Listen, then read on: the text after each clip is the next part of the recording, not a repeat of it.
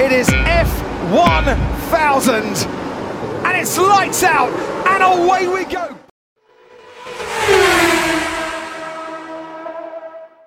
In 2020, we're off the track. Lewis Hamilton has found his voice, and on it, once again, he's found his groove. And now he finds himself alongside Michael Schumacher as top in the record books. The World Championship record is equalled. Lewis Hamilton wins the Turkish Grand Prix and is a seven time champion of the world. Get in there, Lewis. What a way to do it, mate. What a way to win your seventh world title. Thank you so much, guys.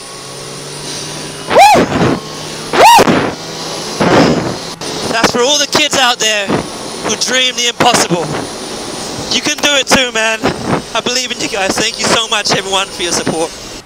Halo, selamat datang kembali di Obras F1, obrolan santai seputar Formula One.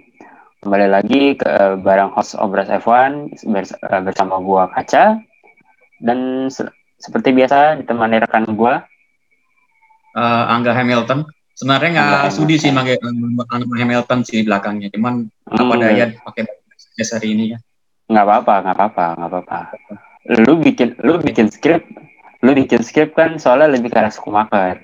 Jadi gua Oh, yang iya. pakai baju Ferrari, jadi gua yang pakai baju Ferrari akan mewakili Lewis Hamilton. Tenang saja. Oh ya, Ya. biar berimbang ya. Oke. Oke ya. oke.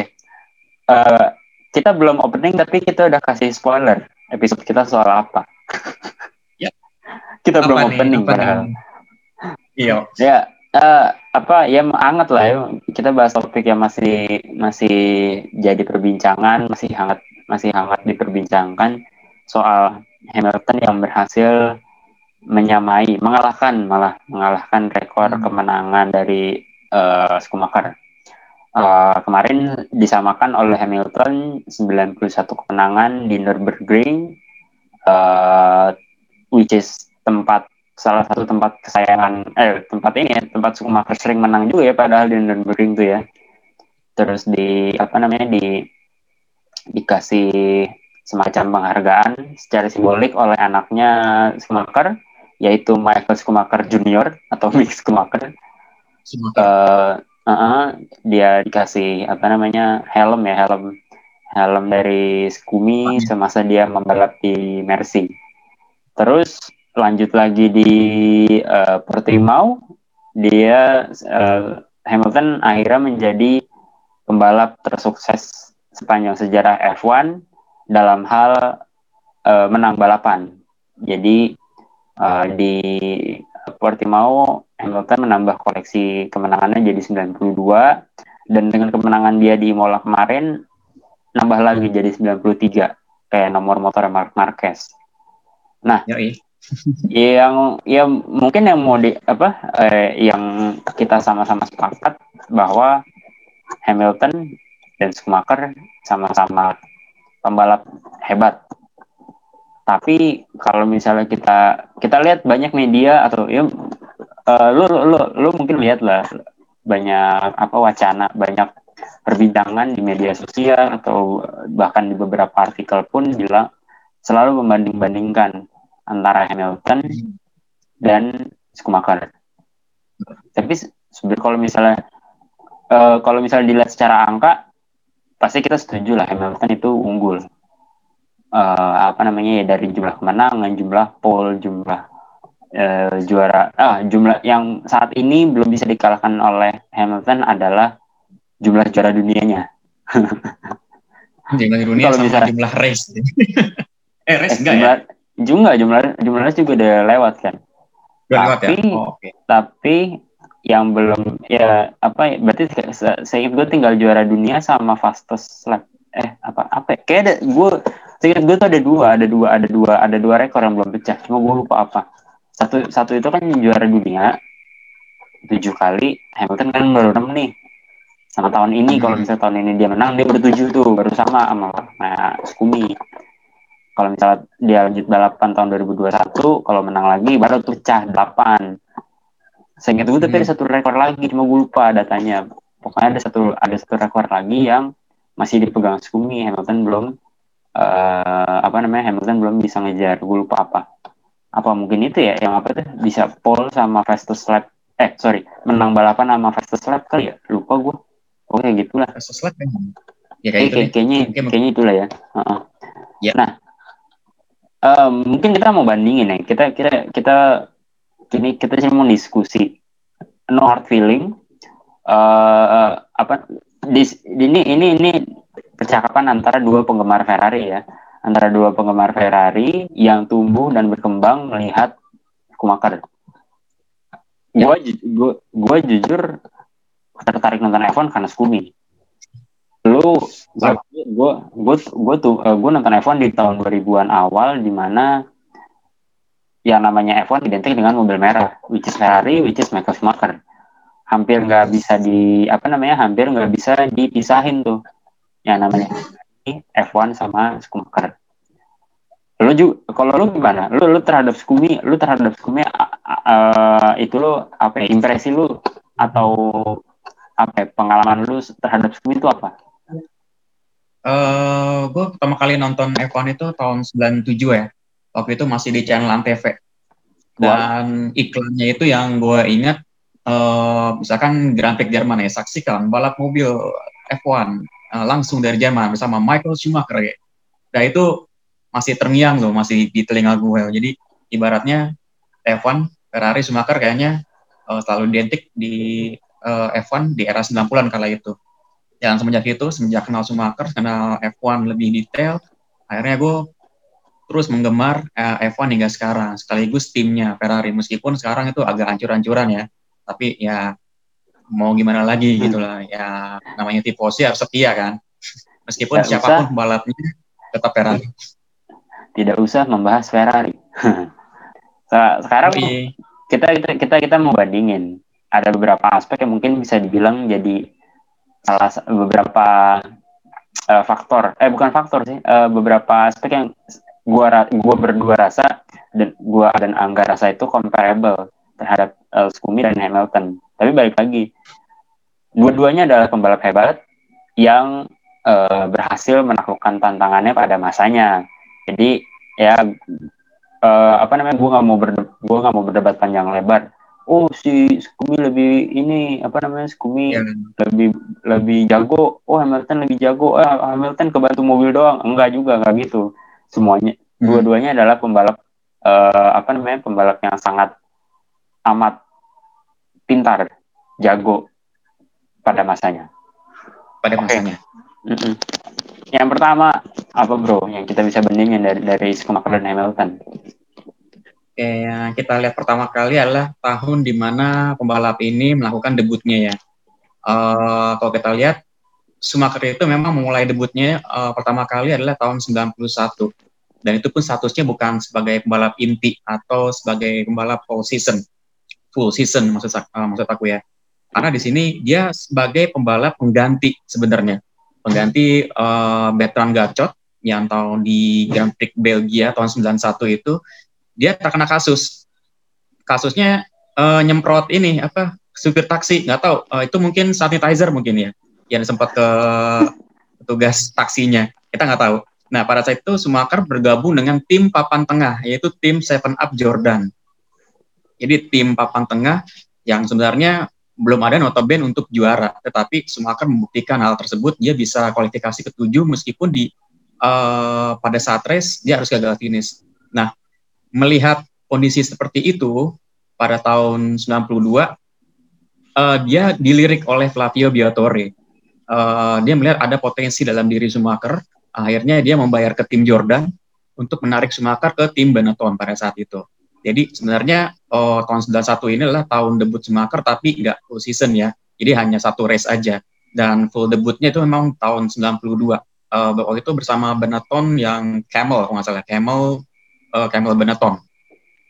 Uh, kemudian kalau untuk uh, Hamilton sendiri, dia bergabung uh, pada F1 pada tahun 2007.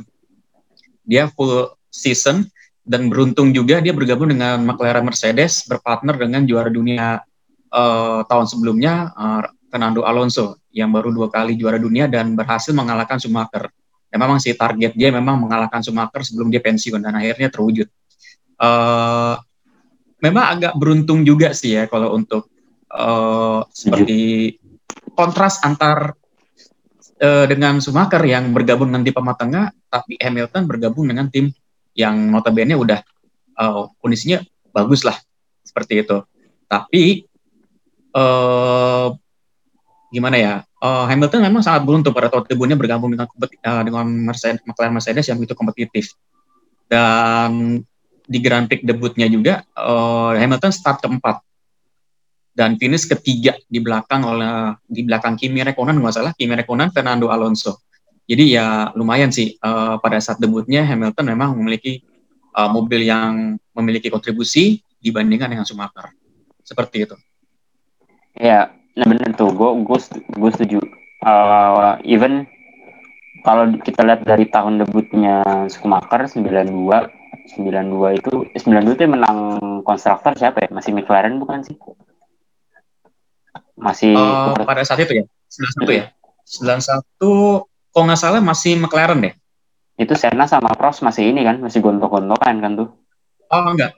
Uh, Prost oh, udah pindah ke Ferrari. Oh Prost iya, ke Ferrari. Pindah Ferrari. Iya iya, Prost itu pindah ke iya, Ferrari. Iya, jadi dia uh, Senna berpartner sama Gerhard Berger. Hmm, iya. Prost nah, sama Mansell. Mm -mm uh, maksud gue si ya Benetton itu kan sebenarnya juga bisa dibilang top eh, apa bukan top tier tim sih tapi uh, bukan ya tidak tidak semediocre Jordan lah ya pokoknya. Iya. Mm-hmm. Sementara kok sementara, jadi Skumi itu bisa dibilang uh, apa namanya mem- membangun membangun karirnya itu dari Benetton di 92 93 sampai dia bisa juara di eh juara dunia di 94 dan 95 dan itu bareng Benetton juga. Di tim itu dia kenal sama yang namanya Ross Brown dia kenal sama yang namanya John Todd kenal sama yang namanya Rory Byrne yang akhirnya berkontribusi uh, apa namanya di karirnya mau di eh, apa uh, berkontribusi uh, di karirnya di Ferrari itu itu kan itu dia pas dia pindah ke Ferrari itu kan dia kayak boyong boyongan ini kan. Kayak kayak yeah. bedol desa pindah. Bawa semua orang yeah. kepercayaannya itu. Hmm. nah ya berbuah berbuah hasil di tahun 99 Ferrari uh, konstruktor baru itu di tahun 2000 dia uh, bisa double apa namanya double world championship. Konstruktor juga uh, juara dunia pembalap juga. Nah sementara kalau Hamilton ya gue setuju sih dia mulai memang mulainya tuh uh, apa namanya mulainya ada di tim yang kuat lah di McLaren ya. walaupun mm-hmm. walaupun uh, dari tahun ya ter terakhir juga McLaren juara itu kan sebenarnya di tahun 98 kan uh, bersama Mika Hakkinen dan juara dunia terakhirnya pun ya dari uh, Mika Hakkinen di tahun 99 tapi McLaren itu tetap apa ya uh, sebagai ya semacam kayak Bull sekarang lah bukan bukan apa namanya uh, dia tetap konsisten jadi penantang juara dunia walaupun tahun tahun-tahun terakhir itu di benar-benar didominasi oleh Ferrari sama Runo. Nah, ya ya, ya gue gue cukup setuju sih Hamilton cukup punya apa ya ya walaupun ini ya itu uh, Hamilton itu bisa ditarik ke bisa ditarik ke McLaren itu kalau atas jasanya Ron Dennis itu. Dia percaya banget sama Hamilton. Dan memang hmm. uh, debut dia apa di GP2 pun dia memang bagus banget. Makanya uh, Ron Dennis percaya untuk langsung masukin uh, Hamilton ke McLaren.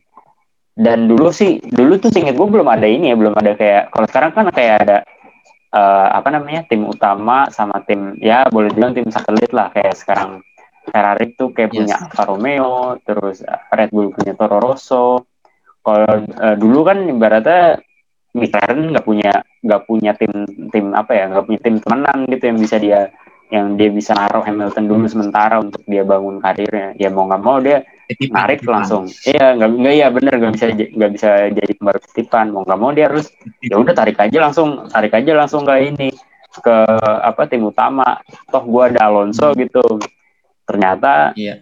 Iya. uh, Hamilton malah bisa uh, jadi pressure jadi pressure antara uh, Hamilton juga ke Alonso juga ke Ferrari juga. Yes. Dan, dan siapa siapa yang sangka ya 2007 tuh hampir aja juara dunia kalau dia nggak uh, melakukan error tuh benar-benar driver error yang di Cina 2007 kalau Cina 2007 gak kejadian juara tuh dia di tahun Ya. ta- tahun pertama uh -uh. nah abis itu setelah kita bandingin tahun debut apalagi nih Oke, yang ini yang paling krusial ya, pembalap yang harus dikalahkan. Karena kalau kita lihat dulu ya, yang untuk Schumacher. Schumacher itu mulai debut tahun 91. Di tahun 91 itu banyak pembalap-pembalap legend, bukan pembalap-pembalap senior. Ibaratnya gitu ya. Contoh aja seperti Alain Prost, kemudian ada siapa lagi ya, eh, mendiang Ayrton Senna, ada Nigel Mansell, ada siapa lagi tuh, ada eh Ricardo Patrese kalau nggak salah deh. Itu banyak banget. Jadi Schumacher harus mengalahkan pembalap-pembalap legendanya untuk bisa bersaing di F1 jadi eh, apa ya Schumacher harus memanfaatkan semua skillnya untuk mengalahkan pembalap-pembalap legend itu. Nggak cuma pembalap legend aja pembalap-pembalap senior eh, juga loh. Kan dulu ada ada. Dean Alesi ada Gerhard Berger ini banyak banget tuh pembalap-pembalap seniornya harus dikalahkan sedangkan kalau untuk di Hamilton Hamilton lagi-lagi beruntung ya karena nggak ada pembalap legenda pada saat itu. Schumacher udah kalah, era baru lah era baru itu benar-benar era baru era baru. Jadi ibaratnya eh, nggak ada Schumacher tahun 2007 itu, cuman ah, hanya pembalap-pembalap yang eh, senior aja seperti eh, Fernando Alonso, Kimi Raikkonen, eh, Felipe Massa, Jensen Button dan lain-lain sebagainya. Eh, bisa dibilang eh, apa ya ibaratnya meskipun Schumacher dan Hamilton itu akhirnya dipertemukan tahun 2010. tahun 2010 Schumacher iya tapi 2010 Tapi- sampai 2013 ketemu. Tapi Iya. sayangnya nggak bersaing. iya nggak bisa bersaing soalnya McLaren busuk. Mercedes busuk iya betul. Tapi Mercedes tahun 2012 Schumacher masih bisa pole. Ah, 2012 apa 2013 ya kalau nggak salah ya? 2012. Schumacher berhasil 2012. pole di Monaco 2012 ya. Nah itu udah ada udah ada pengembangan-pengembangan tuh. Eh, Hmm. Udah kelihatan lah eh, hasilnya gitu kan. Schumacher udah bisa menang, eh, Schumacher bisa pole, Rosberg bisa menang, dan akhirnya berkembang eh, pas Schumacher memutuskan eh, memutuskan pensiun tahun 2013, masuknya Hamilton, Hamilton beruntung lagi langsung juara eh, bersama Mercedes. Nah, nggak sih. ju- nggak langsung juara juga Uh, eh gue setuju sih Hamilton, Hamilton ini laki bastard sih hoki banget.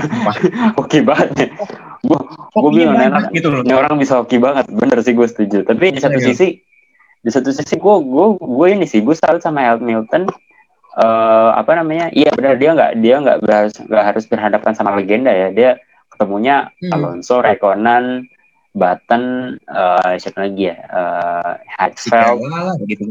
Vettel. maksudnya maksudnya pun nggak ya paling paling kayak ta- tantangan terbesar dia sampai saat ini ya Vettel ya Vettel sama Max Verstappen itu benar-benar dua pembalap yang benar-benar bisa apa ya, ibaratnya bisa nempel lah bisa dibilang Bisa eh, nempel, selama Tapi eh, ini tidak selama diimbangi dengan mobilnya sih. Mm-mm, iya makanya betul jadi gue bilang kombinasi Hamilton sama Mercedes itu kombinasi maut. Mobilnya bagus, pembalapnya bagus, kelar lu. Soalnya kita, eh kalau kita lihat, kalau kita lihat Bottas dikasih mobil yang sama eh, nggak bisa maksudnya nggak bisa ini nggak bisa sebrilian Lewis gitu. Hmm. Gue salut sama gue salut sama Lewis tuh gini, gue salut, salut sama Hamilton itu eh, dia dikasih mobil apa aja minimal di tahun di, eh, di setiap tahun tuh dia bisa ini bisa menang balapan. 2007 dia menang balapan, 2008 menang balapan, menang juara dunia. 2009 tuh, 2009 itu kan tim-tim besar pada struggle ya. 2009 itu kan yang dominan justru Red Bull sama Brown GP. Bahkan Toyota, Toyota aja sempat pole di Bahrain waktu itu. Karena Yes. apa ya? bel- karena yang eh, Brown Diffuser itu. Nah, eh, di 2009 itu 2009 2010 itu Hamilton masih bisa menang balapan tuh. Walaupun mobil McLaren-nya boleh dibilang nggak terlalu kompetitif. 2011 dia sama McLaren juga masih eh, bisa compete. 2012 juga sama. Nah terus dia pindah tuh 2013 Eh ini ini juga ini gue nggak tahu gue mungkin lu bisa bilang beruntung atau eh, memang Hamilton sudah melihat peluang yang ada di Mercedes di 2013 itu kan Mercedes belum dominan ya.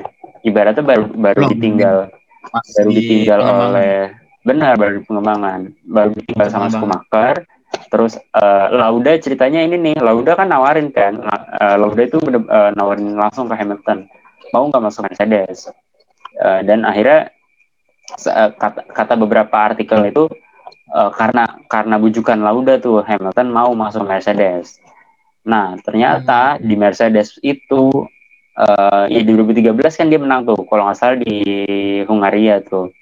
Nah siapa yang sangka sekarang eh, begitu ganti regulasi di 2014 wah itu jadi kayak duet duet maut tuh.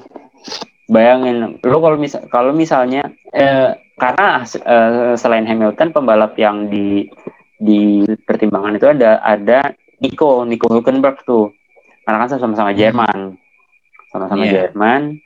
Eh, lu bayangin kalau misalnya Hamilton tetap eh, apa namanya tetap eh, stay di McLaren gua rasa dia nggak akan ini sih. Dia nggak akan apa namanya dia dia akan iya nggak akan nggak akan superior bener.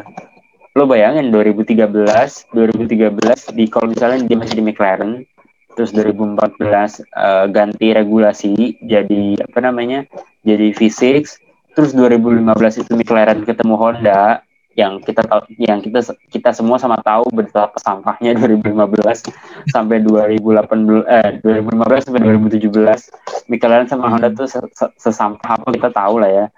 Itu maksud gue kayak engine Damn, itu engine. Iya, damn he's he's very lucky. Eh benar-benar visioner dan dia nggak ini, dia nggak peduli kata orang.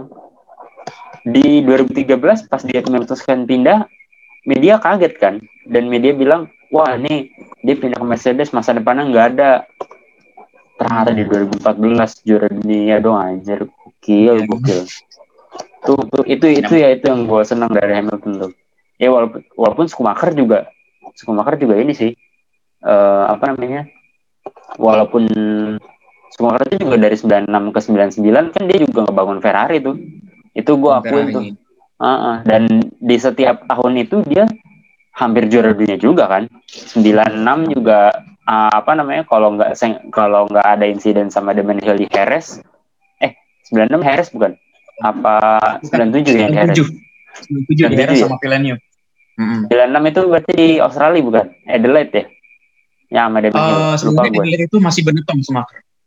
oh Masih Benetton. berarti berarti 96 apa ya insiden itu yang sama Damon Hill ingat gak lu Eh, kalau nggak salah yang di ini deh, eh Grand Prix British Grand Prix kalau nggak salah, lupa lupa inget deh. eh pokok, Hampir pokoknya Ada, ada konflik pokoknya deh kalau ada Iya, iya. Ah, benar benar dan apa namanya ya ibaratnya 96 itu walaupun Ferrari-nya Ferrari juga sampah sih. 96 Fe- Iya. 96 Ferrari-nya masih Ferrari-nya masih ya Aduh. baru mulai naik lah. Tapi Hamilton Naik. bisa eh si Fer Schumacher juga bisa jadi ini title contender 97 juga sama Villeneuve 98 99 itu 99 kalau misalnya dia nggak patah kaki di Silverstone juga gua rasa bisa, Bisa. ini tuh bisa bisa sebenarnya bisa juara dunia tuh tahun 99 karena patah Iya. kaki aja di Silverstone tuh. Jadi dia harus keluar. lama iya absennya lama lagi. Aduh sayang banget. Lama lagi, baru tampil di Grand Sepang. iya. Jadi pembantu R. iya tapi balik-balik ini men. Nah balik-balik Skumi juga apa namanya eh men apa dominan kan sebenarnya. Dan Langsung walaupun out, tapi walaupun Hmm, langsung dia langsung bantu ini bantu si Irfan iya walaupun tidak jadi juara juga bodoh Irfan itu Emang ini PA. sudah dibantuin bisa. tidak juara Aduh. padahal dulu McLaren itu Oke. terkenal ini ya terkenal apa nggak reliable kan mobilnya sampai zaman zaman Kimi Mhm. Kok zaman Kimi uh, konsisten. Nah itu nanti ada di poin berikutnya sih. nah oke lanjut lah poin selanjutnya apa tuh bang Oke, kemudian oke untuk aspek yang ketiga itu mengenai gelar juaranya ya. Oke, kita lihat dulu yang Schumacher nih. Schumacher itu bergabung dengan Benetton tahun 92, mengembang mengembangkan mobil, akhirnya menjadi juara dunia tahun 94 dan 95. Uh, langsung double champion dan Benetton pada tahun 95 berhasil memenangkan konstruktor pertama kalinya. Kemudian 96 dia memutuskan pindah ke Ferrari yang posisinya udah amburadul. Dia harus bangun tim itu uh, dengan banyak pengembangan-pengembangan, dengan banyak kesialan-kesialan, ya kan? Tahun uh, 97 dia bersenggolan dengan Villeneuve, 98 dia harus uh, pecah ban di Grand Prix terakhir melawan Hakkinen. Tahun 99 dia kecelakaan dan akhirnya tahun 2000 hingga tahun 2004 Schumacher mulai mendominasi itu. Dominasi. Jadi mendominasi banget. Jadi ibaratnya di era tahun 2000 hingga tahun 2004 bisa dibilang Ferrari dan Schumacher uh, terlalu mendominasi di F1 hingga akhirnya menonton F1 bosan. Meskipun sih uh, di sela-sela uh, tahun 2003-2004 memang ada uh, perubahan-perubahan uh, yang gunanya memang untuk mendep, um, ibaratnya menjegal atau merusak dominasi. Nanti ada di poin berikutnya. Uh, kemudian kalau untuk Hamilton, lagi-lagi uh, beruntung ya. Hamilton itu tahun kedua bisa jadi juara dunia tahun 2008 dan akhirnya pindah ke Mercedes, akhirnya bisa juara juga di tahun 2014, 2015, kemudian uh, 2017 nggak tahu sekarang. eh, 2017, 2018, 2019. Iya, udah pasti 2017 tuh. Sampai sekarang. oh iya, oh iya itu maksudnya. Iya benar-benar, iya iya. iya. ya udah pasti ketahuan lah. Poinnya iya udah jauh soalnya. Soalnya jauh sih.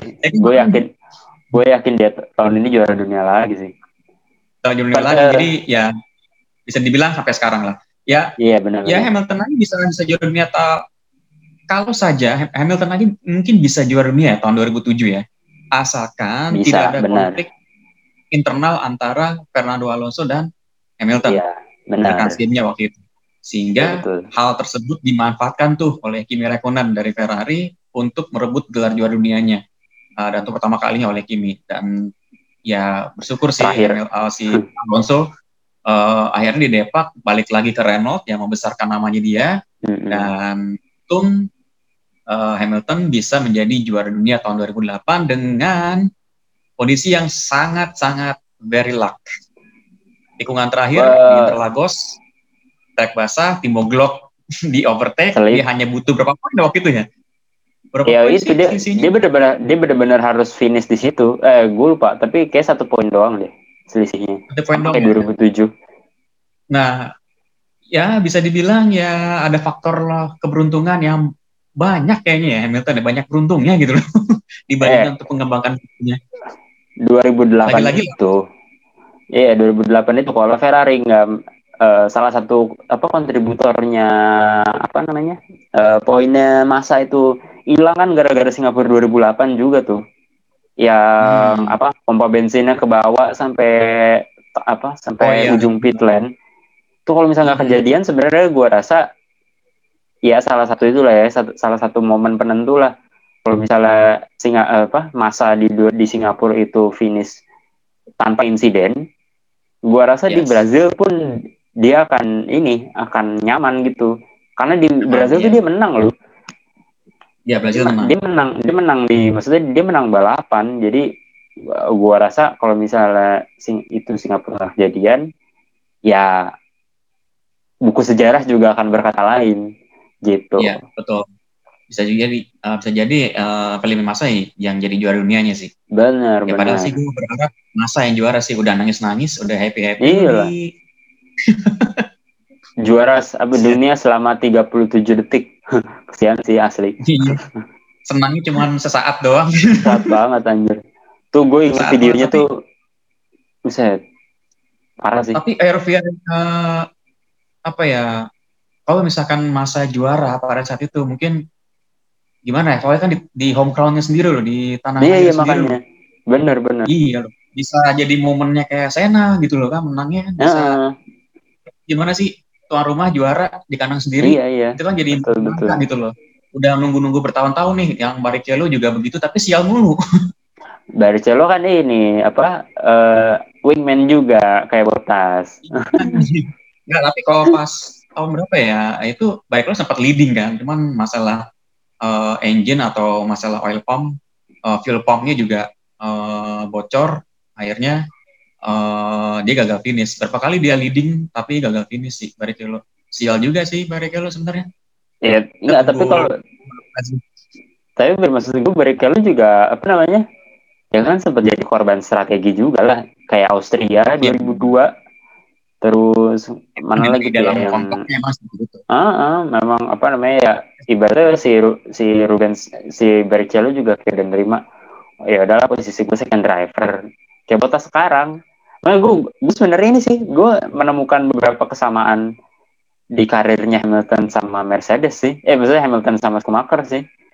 Kayak hmm. Hamilton sama Schumacher sama-sama pernah di Mercedes eh enggak sih itu nggak yeah. terlalu sama ya ya. Tapi maksud gue kayak oh, iya. uh, uh, apa uh, hem, uh, punya wingman walaupun baru-baru doang pas pas join. Rosberg soalnya tidak bisa dikatakan sebagai wingman. Itu sih. Oh, karena dia balap inti juga. Iya Ros Rosberg itu benar-benar ngepush Hamilton untuk ini sih untuk untuk jadi juara. Gue rasa Rosberg itu juga jadi salah satu faktor dia bisa ini sih mental mental Hamilton itu kan kayak ke pressure terus ya sama Rosberg waktu 2014 sampai 2016. Gua rasa itu yang bikin dia mateng di Mercedes sekarang. Iya, iya. Soalnya kalau lu bandingin sama siapa? Vettel. Vettel tuh kalau diukur secara mental mungkin dia nggak terlalu kuat. Dan hmm. tipikalnya itu kalau misalnya Vettel itu kalau misalnya udah gak nyaman sama mobilnya atau uh, rekan setimnya itu lebih unggul, pecah tuh ininya. Uh, kayak fokusnya pecah tuh. Kayak tahun 2014 di Red Bull sama Ricciardo sama tahun 2019 kemarin di Ferrari sama Leclerc kan. 2019 yeah. itu mobil mobil Ferrari kan udah nggak udah nggak cocok sama Vettel sebenarnya. Hmm. sama kayak 2014 Vettel juga nggak cocok sama mobilnya sama timnya. Ricciardo juga lebih banyak tuh nyetak apa uh, nyetak poin. Hal yang sama kejadian nih di 2019 di Ferrari gue gue rasa tuh dia kayak apa ya uh, kalau Hamilton tuh kan di push terus nggak crack ya nggak nggak nggak nggak lepas nggak lepas konsentrasi lah. Vettel kalau lu lihat di push dikit sama Hamilton kelihatan tuh sering error atau apa namanya yeah. kayak buat bikin kesalahan yang nggak perlu sering banget padahal lagi, lagi lagi krusial krusialnya butuh iya padahal krusial benar. Betul benar lagi krusial ya itu ya itulah itulah salah satu apa namanya ya kita bisa lihat uh, antara Schumacher dan Hamilton itu sama-sama punya mental juara. Benar-benar yeah. apa sih ya sangat sangat sangat haus kemenangan. Itu yang bikin mereka bisa jadi bisa jadi juara dunia berturut-turut dan ya jadi pembalap hebat lah gitu. Terus yes. poin selanjutnya apa tuh bang Oke, poin selanjutnya ini yang paling penting ya, itu adalah perubahan regulasi. Uh, pada saat Schumacher dan Ferrari mendominasi F1 uh, eh, pada tahun 2002, Presiden F1 pada saat itu Max Mosley dan CEO F1 waktu itu Bernie Ecclestone langsung mengambil langkah-langkah untuk merubah regulasi untuk menjegal dominasi Ferrari. Pada, uh, pada hmm. saat itu kan 2002, Schumacher pertengahan musim udah juara tuh di Grand Prix Prancis kan. Iya tuh benar. Jadi musim belum selesai. Yang musim paling boring katanya. Iya musim paling boring. Jadi nonton uh, F1 udah turun. Makanya uh, dua orang penting ini langsung merubah uh, semua yang ada di F1. Apa aja itu? Yang pertama adalah format kualifikasi. Kemudian ada sistem poin. Kemudian ada uh, masalah engine. Kemudian ada pemberian poin. Jadi ada empat ya uh, nanti kalau misalkan kurang bisa tambahin ya. Apa aja tuh kalau misalkan ke yang perubahan regulasi untuk yang one flying lap, format kualifikasi pada saat itu menggunakan format one flying lap. Jadi benar-benar balap itu push mobilnya over the limit tanpa kesalahan hanya dalam satu putaran aja. Kemudian setup kendaraan itu harus sama dengan uh, kualifikasi dan balapan. Kemudian Ben Ecclestone juga waktu itu menjelaskan sistem kualifikasi ini pembalap harus milih apakah milih uh, sebagai pole position dengan konsekuensi uh, bahan bakar lebih sedikit untuk bisa ter, uh, menjadi posisi yang tercepat, uh, jadi bisa pole, ataukah memilih balapan. Jadi uh, bisa hampir hampir setengah tank lah, full, full tank lah seperti itu ya. Jadi pilih balapan atau lomba Bernie Eccleston. Itu untuk yang format kualifikasi. Jadi sama sekali uh, ibaratnya uh, pembalap itu no error. Dan urutannya itu biasanya berdasarkan hasil Grand Prix sebelumnya. Jadi urutannya itu uh, satu-satu. Uh, kalau misalnya ada pembalap yang DNF, dia boleh ikut lagi, uh, biar nggak uh, ibaratnya bisa keluar keluar duluan lah. Tapi hoki-hokian sih kalau misalkan nanti di tengah lomba itu tiba-tiba cerah cerah banget, tapi kadang-kadang uh, uh, di awal itu cerah, tiba-tiba di tengah hujan, gerimis-gerimis-gerimis. Jadi itulah banyak kejutan pada situ. Jadi ibaratnya mengacak situasi grid untuk race berikutnya. Dan ini ini pinter juga sih sebenarnya. Seharusnya ini format kayak gini diterapkan pada saat tiga Big Monza kemarin ya karena kan nggak ada yang mau dulu duluan tuh bener gue kita sempat bahas loh masalah ini kita sempat bahas loh ini jadi kalau misalkan iya. seperti itu balap mikir gitu loh jadi bener-bener push uh, over the edge lah untuk mobilnya gitu. Itu untuk masalah kualifikasi. Kemudian sistem uh, one engine for one weekend. Jadi ini regulasi jadi untuk mesin engine itu digunakan untuk whole, weekend. Apabila ada pembalap yang mengganti kondisi mesinnya maka dia akan dikena grid penalty.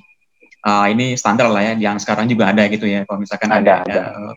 blockchain kayaknya masih bertahan sampai sekarang. sampai sekarang.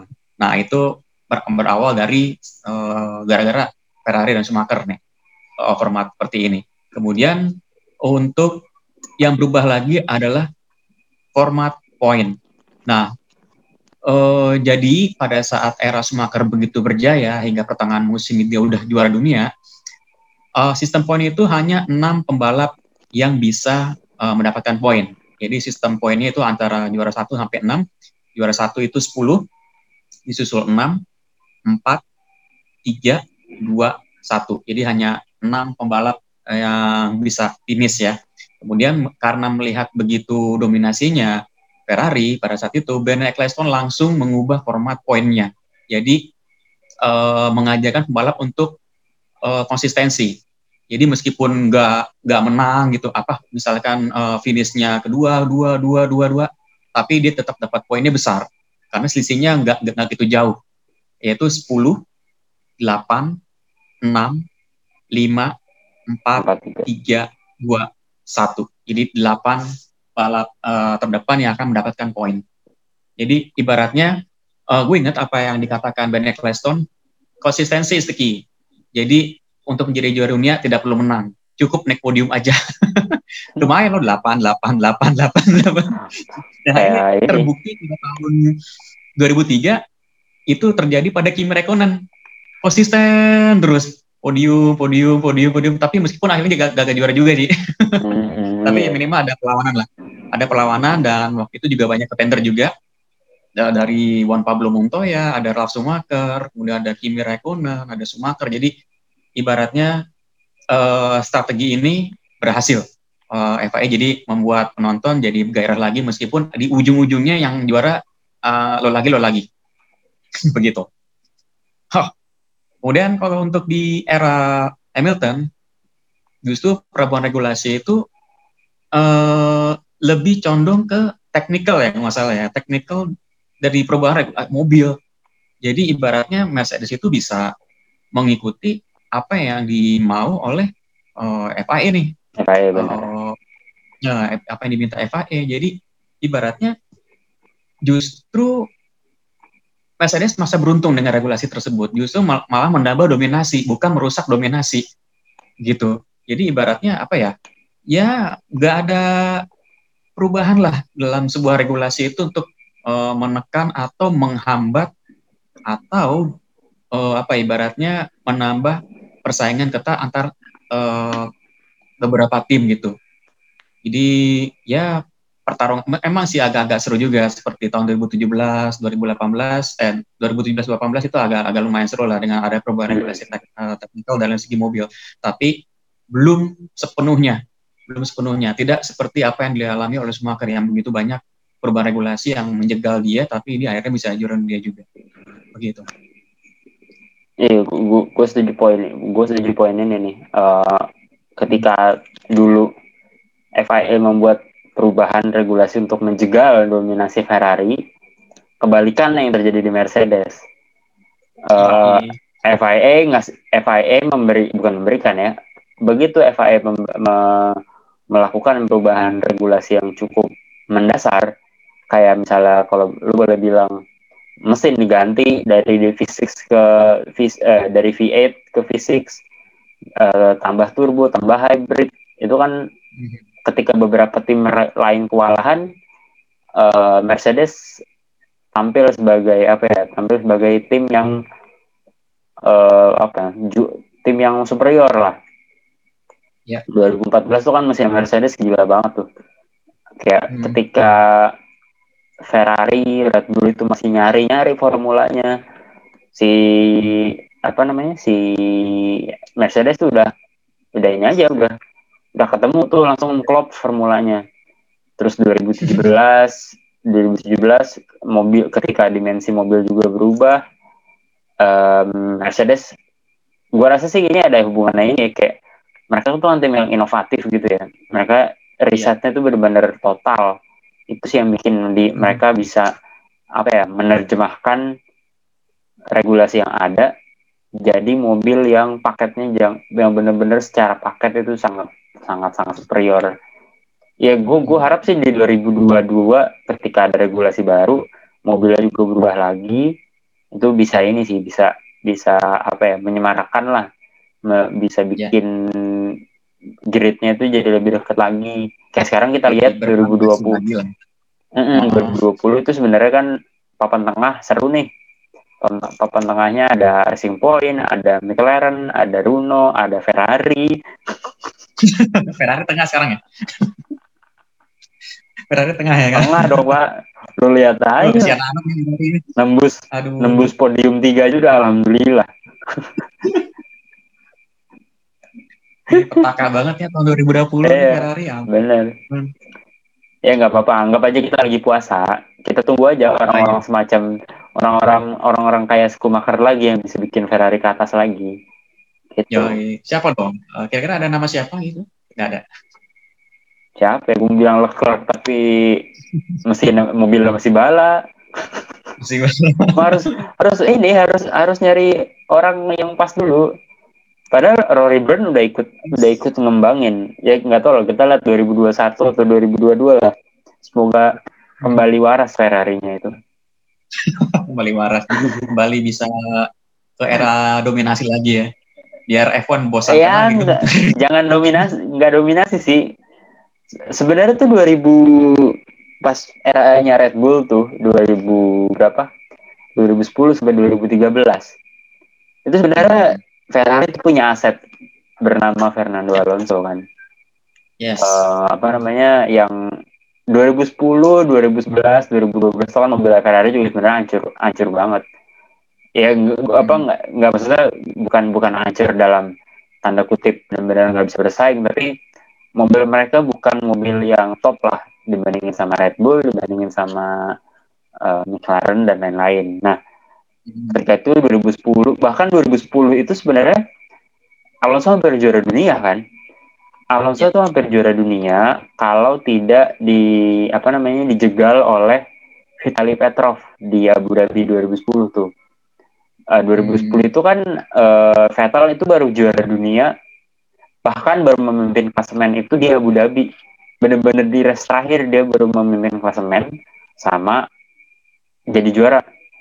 Selama sepanjang tahun itu se gue lupa tuh tuker-tukerannya sama siapa tapi Ferrari itu eh, apa sih eh, penantang penantang yang hampir yang jadi favorit. Penantang favorit buat jadi juara dunia itu Ferrari makanya ketika Red Bull menang di Abu Dhabi 2010 itu kan gak ada yang nyangka tuh. Eh, apa namanya bisa apa sih ya bener-bener apa ya orang orang nggak nggak ada yang bukan nggak yang mikir tapi eh apa ya kayak kemungkinannya tuh kemungkinannya bukan yang kemungkinan bukan yang utama lah. Favorit itu tetap Ferrari baru Red Bull. Eh ternyata Alonso-nya kacau. Dia bu di nggak bisa nggak bisa ngebalap Petrov. Sama tuh kayak 2012 2012 itu juga dia kalah juga cuma tipis tuh berapa poin? Empat apa? Empat apa kalau nggak salah. Itu juga kan kalahnya di race terakhir di Brazil. Di Brazil Iya. 2012 padahal Vettel sudah eh, padahal Vettel udah apa namanya udah Ya, spin tuh. udah kecelakaan udah Spin. melintir Oh, ternyata ternyata bisa comeback.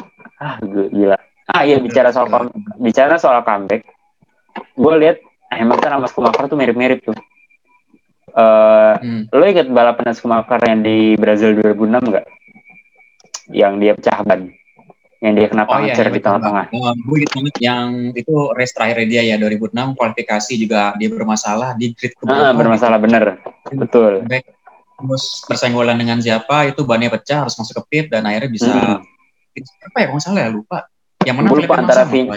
Iya menang Felipe Massa yang dia finish itu kalau nggak salah antara gue lupa antara posisi 4 atau posisi 6 gue lupa Hmm. hal yang sama kejadian di Monza kan cuma bedanya kalau di Monza kalau Hamilton di Monza itu kan eh, apa namanya dia itu kena penalti bukan karena pecah ban atau apa nah itu Iya. gue gue lihat Hamilton sama Schumacher tuh punya kualitas yang sama tuh dia bisa fokus untuk apa dia dia dia sadar mobil dia mampu mobil dia bagus. Akhirnya dia pede tuh eh, apa namanya menembus sekian banyak sekian banyak mobil dari posisi terakhir. Itu kan Schumacher sama Hamilton kan dari posisi terakhir juga tuh sampai bisa finish di posisi yang cukup bagus lah buat poin. Kayak Mon, eh, Hamilton kemarin di posisi 6 apa 7 gue lupa. Hmm. nah terus eh, Schumacher juga di posisinya. posisi bukan di posisi yang apa ya bukan di posisi di atas 10 besar itu dua itu benar-benar apa ya kayak menandakan kualitas mereka sebagai pembalap lah Oke. Oke. Jadi dari keempat faktor tersebut atau empat aspek tersebut, menurut lo siapa yang paling hebat? Schumacher atau Hamilton? ya kalau kita bicara angka mas Kuma eh Hamilton ya Hamilton. Hamilton itu di Oke. Hamilton itu diuntungkan oleh situasi terus Yes. diuntungkan oleh apa namanya eh kondisi apa eh race jumlah race kan lebih banyak nih di era dia banyak, paling lu lu Jumlah- kalau pas dia dulu dulu pas Schumacher maksimal berapa race sih nggak lebih dari 20 kan sampai 17 lah. 17 iya paling paling banyak 17 dulu. 16 17 lah sekarang Hmm. Sekarang tahun-tahun sekarang bisa tembus Ribuan. 21 per 21. musim.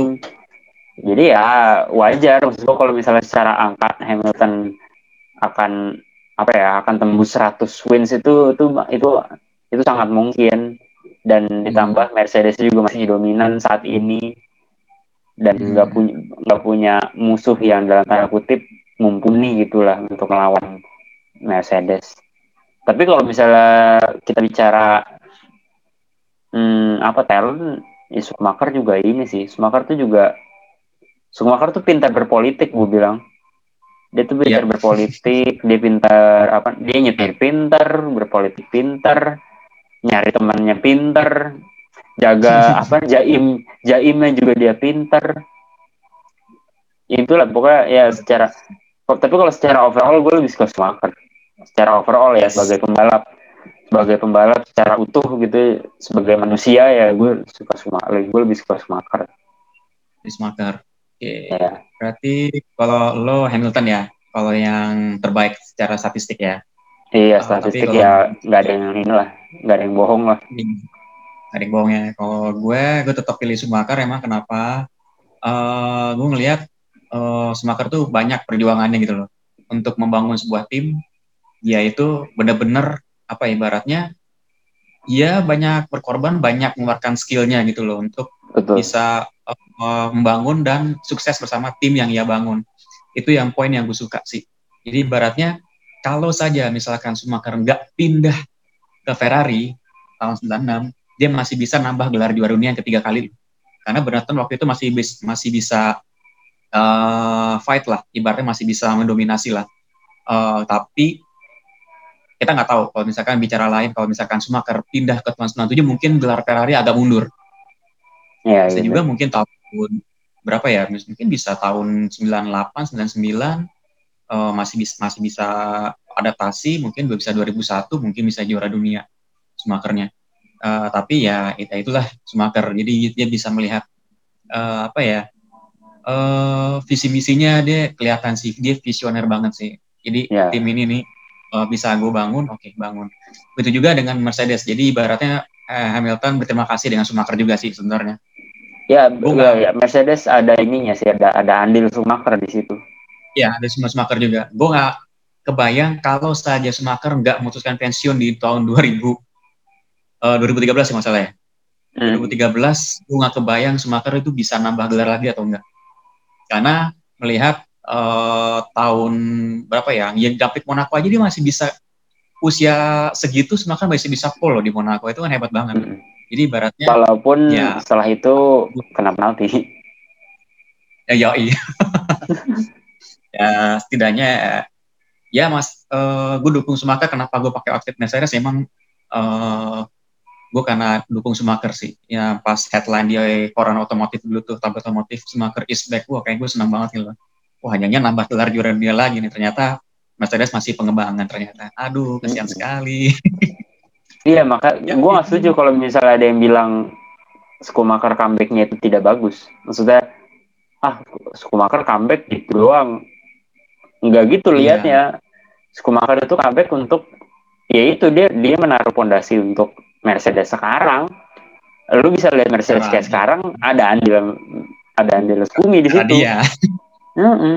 Iya, karena memang ada Rosberg juga sih. Rosberg waktu itu kan dari akuisisi ya, dari Rosberg Brown GP ke Mercedes hmm. akhirnya dia yang jadi prinsipalnya. Ada karena dekat sama Schumacher ya ditarik. Jadi untuk yeah. mungkin udah kenal kali uh, Sumak, uh, Rosberg dengan Schumacher udah kenal deket, dia tahu caranya untuk membangun tim, ya ditarik.